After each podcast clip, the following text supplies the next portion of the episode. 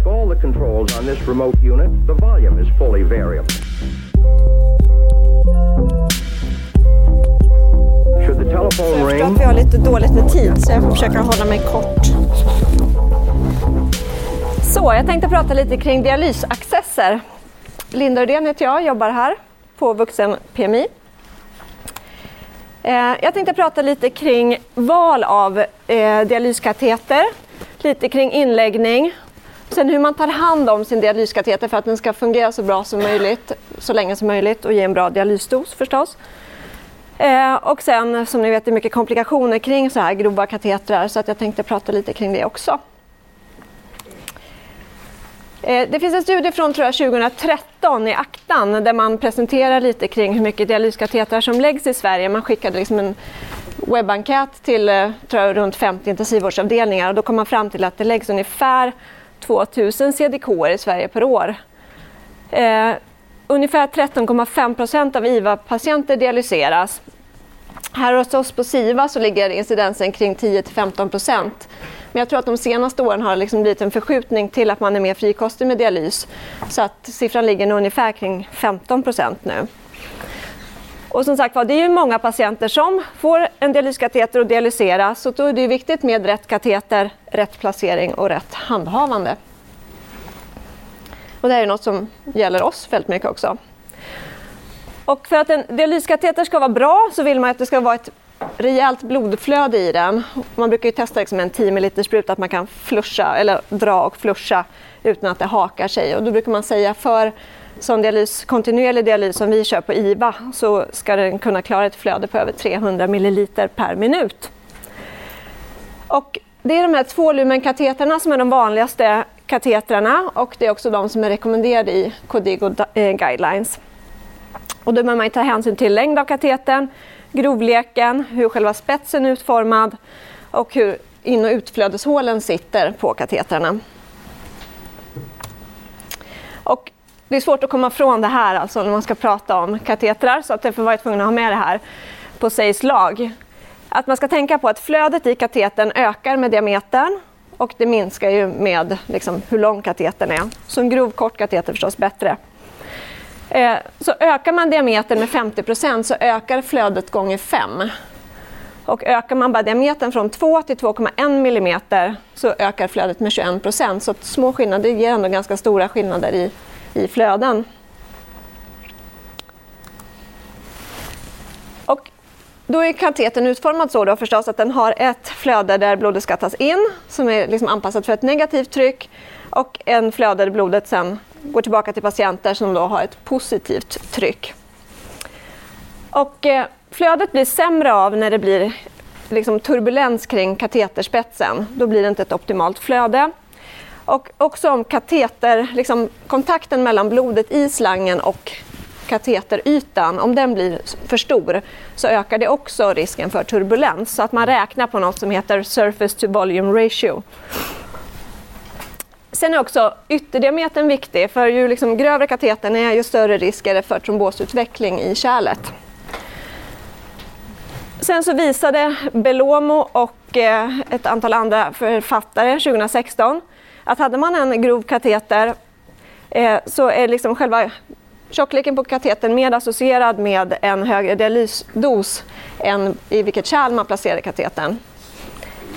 Snabb fråga. Ja. Jag förstår inte hur eh, surface to volume ratio funkar. Ja, Jag kan visa på nästa bild. Här, här är en massa olika katetertyper. Och då menar man, om man kollar på den här första koaxiala, den används inte så mycket och där har vi liksom en stor kontaktyta. För att blodet går inne i, i de här yttre, då ser man att det är väldigt tunn liksom, lumen med mycket vägg runt omkring. Om du tänker här uppe. Så att det ger en ökad risk för turbulens gentemot om man har liksom två stora lumen. Jag ska se om det går att peka med den här. Jag vet inte om det funkar. Men de här stora lumen så blir det ju mycket blod som inte har kontakt med en vägg. Medan de här små så blir det ju väldigt mycket blod som har kontakt med vägg och det ökar turbulensbildning. Likaså, alla, det blir liksom vinklar här. Det är inga rundade fina ytor. Det leder också till turbulens. Så att den här koaxiala eh, typen av kateter används inte så mycket för att den har många nackdelar. Likaså den här double O. den har ju väldigt fina lumen men då en väldigt stor yttre omkrets vilket leder till en ökad risk för trombosutveckling. Förlåt, var går blodet i mitt... Eh, det drar här och så går det ut i de här. Ja. Eh, sen så har vi double D, det är mer de här två nedersta som används nu. Men double D har vi problemet här igen då med de här vinklarna som blir här. Så att då har man liksom utformat den här till en lite snygg njurformad variant. Där det blir mjuka liksom, kanter så att det inte blir den här turbulensutvecklingen. Så att det är den där som är den mest vanliga sorten av kateter. Sen är det viktigt då vilket eh, material man använder sig av. Det ska vara biokompatibelt och då vill man gärna ha en katet som är ganska styv när man ska få in den i kärlet men som sen mjuknar när den är inne i kärlet för att det inte ska bli tryck och skav och risk för perforation och så.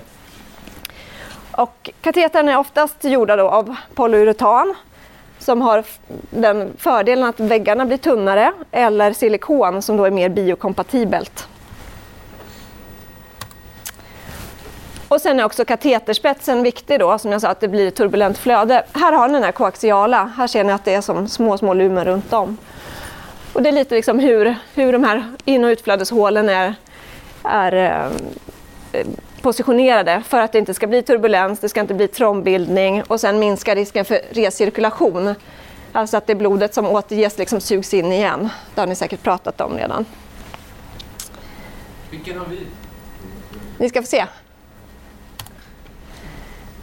Sen så kan man ju optimera kateterna på olika sätt med heparin. Det finns med någon slags silverbeläggning, antibiotikabeläggning. Men för de här korttidsanvända kateterna som vi använder på IVA så finns det inte riktigt. Det finns evidens för att hos patienter med akut njurskada som får kateter med rifampicin tror jag att det är en mindre risk för kateterrelaterad infektion. Men annars så är det mer hos kroniker. Där har man sett att heparinbelagda katetrar ger en mindre risk för infektion. Men det förlängde liksom inte kateterlängd eller någonting. Och de här kateterna är ganska dyra så att det är inte något som, som egentligen rekommenderas för vår del. Och det här är den katetern som vi har, som jag tror att, att finns på många IVOR över landet. Det är Baxters 13,5 French har vi. Och det här är en sån här Cycle D heter det va? Den njurformade med två liksom runda hål in och ut. Och då brukar vi lägga dem då i jugularis. Då har vi 20 cm katetrar. Eh, vänster sida 25 cm och i femoralis använder vi alltid 25 cm katetrar. Sen har jag lite siffror här som är från 2014 till 2016 där vi på eh, eh, ja, vuxen-PMI som det numera heter då, eh, la in nästan 500 katetrar på nästan 400 patienter. Och varför det här inte riktigt stämmer är att det är en patient som har fått eh, ett 20-tal katetrar. Och indikationerna var då hemodialys, bara de flesta lades på SIVA. Sen är det en del patienter som har fått plasmafres och stamcellsskörd. Och stamcellsskörd då lägger vi på uppdrag av andra kliniker. Av de här kateterna så placerade vi de flesta i femoralis, 54 procent, och eh, resterande i jugularis. Sen är ju det här något som man kan tänka på. There is no body cavity that cannot be reached by a 14 gauge needle and a good strong arm. Um, så att vi har gått igenom alla katetrar som vi lägger registreras och då skriver man i hur själva inläggningen var och sen om det har varit någon komplikation. Och då i det här materialet som man har tittat på så har man delat upp det i en allvarlig händelse som eh, leder till att patienten avled eller fick en allvarlig skada, typ torakotomi. Eh, eller en händelse som ledde till en skada eller ett obehag. Artärpunktion har fått göra någon endovaskulär åtgärd.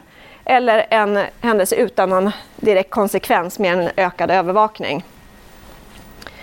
Och av de här CVK så var det 5,8 procent som hade någon av de här eh, komplikationerna. Eh, man ser att, att det är vanligare med artärpunktion i femoralis till exempel. Eh, annars är det lite hematom, lite blödningar, någon parestesi. Och sen har vi annan komplikation som är lite mer intressant att titta på bara. Det här kan man ju säga är sånt som händer kan jag tycka som inte behöver vara en speciellt allvarlig komplikation som att det inte går att föra in CVK eller CDK. Kanske någon snabb hjärtfrekvens, svårt att hålla sterilt. Men det här är lite intressant. Någon som har sprutat Duraloc 2,5 ml gånger 2 istället för att anpassa efter volymen på skänklarna. Och då när man har sprutat det så har patienten känt av liksom som pirrande känsla då, som en hypokalcemi-känsla som har kommit och sen försvunnit. Någon har besvärats av att det koagulerade lätt i kanylerna, att kanylen hamnade på fel ställe, det var en knickad ledare. Eh, sen här uppe, inte helt jämnt flöde. Eh, kändes konstigt, så man drar ut civikon som då är liksom helt tvistad. Huvudvärk vet jag inte riktigt hur det hänger ihop, men det var rapporterat. Det här kan vara värt att tänka på. I samband med att man dilaterar sätter sig patienten upp med dilatator och allting kvar i kärlet. Eh, man får sedera ner patienten och eh, ja, backar ut det här, men man får inte in silikon sen. Och lärdomen av det här är att det är en väldigt grov dilatator som vi för in i kärlet. Så att det är viktigt att man bedövar liksom blodkärlet, för att det gjorde väl så himla ont så att man fick den reaktionen. Så att verkligen att man bedövar hela vägen ner. Vi är ju alltid rädda för att vi ska råka slinka in med olika så här ledare i kroppen. Händer det eller? Nej, nej, inte här, men jag har hört att det har hänt. Att den inte ligger på bordet sen. Men eh, det är ingenting som har hänt de senaste, då, sedan 2014 i alla fall. Men allt kan hända, så är det ju. Så, och komplikationerna då är, kan man ju säga alltså som är samma för var, vilken loka, lokalisation vi än använder. Så är det att man får en artärpunka, man får en infektion, sen har kateten eh, ett hematom eller sen en trombos. Sen så har vi lite andra, mer viogularis kan man tänka att man får en luftemboli, pneumotorax och arytmyr är väl mer vanliga här uppe och likaså i subclavia där också stenoser är vanliga. Och eh, i femoralis då där det kan bli en retroperitoneal blödning. Och då kan det vara värt att tänka på att kärlanatomin, nu är inte det här kanske ett jätteproblem för oss på samma sätt som det var för 10-15 år sedan när man inte använde ultraljud. Men kärlanatomin, nu är den här bilden lite suddig, men den här vänstra bilden visar den anatomiska variationen av eh, jugularis. Så man ser att den ligger lateralt om artären i upp till 90 procent, men den kan också ligga ovanpå, vid sidan eller under. Och det här är samma sak i femoralis då, hur den kan vara lokaliserad. Och det är klart, sticker man bara på känsla då, eller efter landmärken, ska jag säga, så är det lätt att det kanske blir så här. Och det här är ett patientfall eh, som hände här, tror jag, typ 2014 eller sånt där. Det är några år sedan. En man som elektivt fick en CDK, gick hem, men sen kom tillbaka för att det svullnade på halsen och då var det ganska svullet som vi ser här. Så att han akut intuberades och det var en stor, ja, ett stort hematom. Och det här var ju lagt då innan det här. Eh, jag vet inte om ni har hunnit prata något om det, eller ni har kanske så på alla sjukhus att det finns en liksom plan för hur man lägger CVK, en CVK-skola. Så att man liksom skolas in i det hela på något slags eh, sätt innan man börjar lägga eh, självständigt. Eh, men det har ju också gjort att både att man använder ultraljud och att man har en mer liksom, uppstyrd utbildning av hur man lägger in CVK och CDK så gör ju det att det blir bättre eller färre komplikationer. Eh, här är några, en studie i eh, American Journal of Kidney Diseases från 2011 där man tittade på ultraljud och effekterna av det. Det känns som jag står i vägen. Eh, och då i den här eh, reviewartikeln har man tittat då på sju olika studier, totalt eh, 800 katetrar. Och då ser man, vilket vi kan tycka är lite självklart ändå, att en ultraljudledd inläggning av CDK sänkte signifikant riskerna för felaktig placering, att man inte träffade vid första sticket, artärpunktion och hematom. Det känns som att ja, det är väl mest att man inte träffar direkt och hematom som är de största vinsterna. Eh, sen så kom det en studie i New England 2015 där man tittade på intravascular complication of central venous catheterization by insertion site. Och, eh, det här är en multicenterstudie på CVK på bara IVA. Eh, och då randomiserade man patienterna till antingen eh, subclavia, jugularis eller femoralis och så hade man en sån här eh, kombinerad outcome med infektion eller symptomatisk trombos. Och, eh, av då 3000 katetrar så blev det 8, 20 och 22 events, då menar jag i subclavia och jugularis och 22 i femoralis. Eh, och då och där också frekvens efter liksom hur många kateterdygn med komplikationer. Men då jämförde de liksom parvis. Då jämförde femoralis med subclavia och såg att det var mer antingen trombos eller infektion då i, eh, i femoralis jämfört med subclavia. Så att eh, hazardratiot eh, var 3,5 där. Sen tittar man då på jugularis jämfört med subclavia och såg att det var större risker då i jugularis jämfört med subclavia. Och sen till sist jämförde man femoralis och jugularis och då såg man att det var liksom ingen signifikant skillnad vilken av de två kärlen man använder. Men stenoserna tar de inte Ja, det kommer. Ja, för här tittar de ju inte på det. Nej. Precis. Utan det var infektion och eh, eh, en symptomgivande trombos. Och sen kollade de också på pneumotorax där det förstås var mer i subclavia. 1,5 procent gentemot jugularis som var en halv procent bara. Var det här både CDK och CVK? Det här, är, det här är CD... Eller vänta, förlåt. Det där är både och. Jag ser hur mycket tid vi har. Ehm. Och här är bara en liten figur här där man ser att det är, det är färre komplikationer i subclavia än i de andra. Och det är mer blödningar här, eller infektion.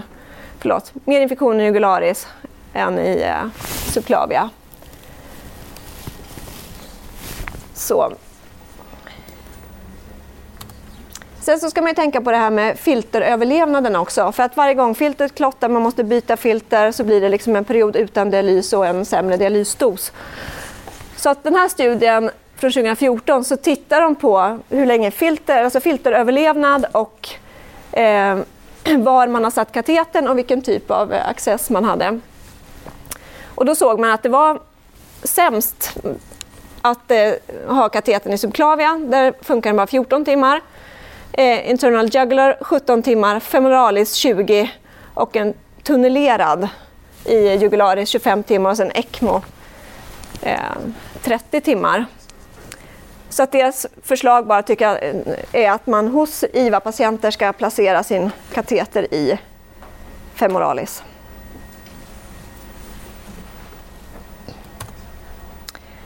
Sen så har vi infektionsrisken då.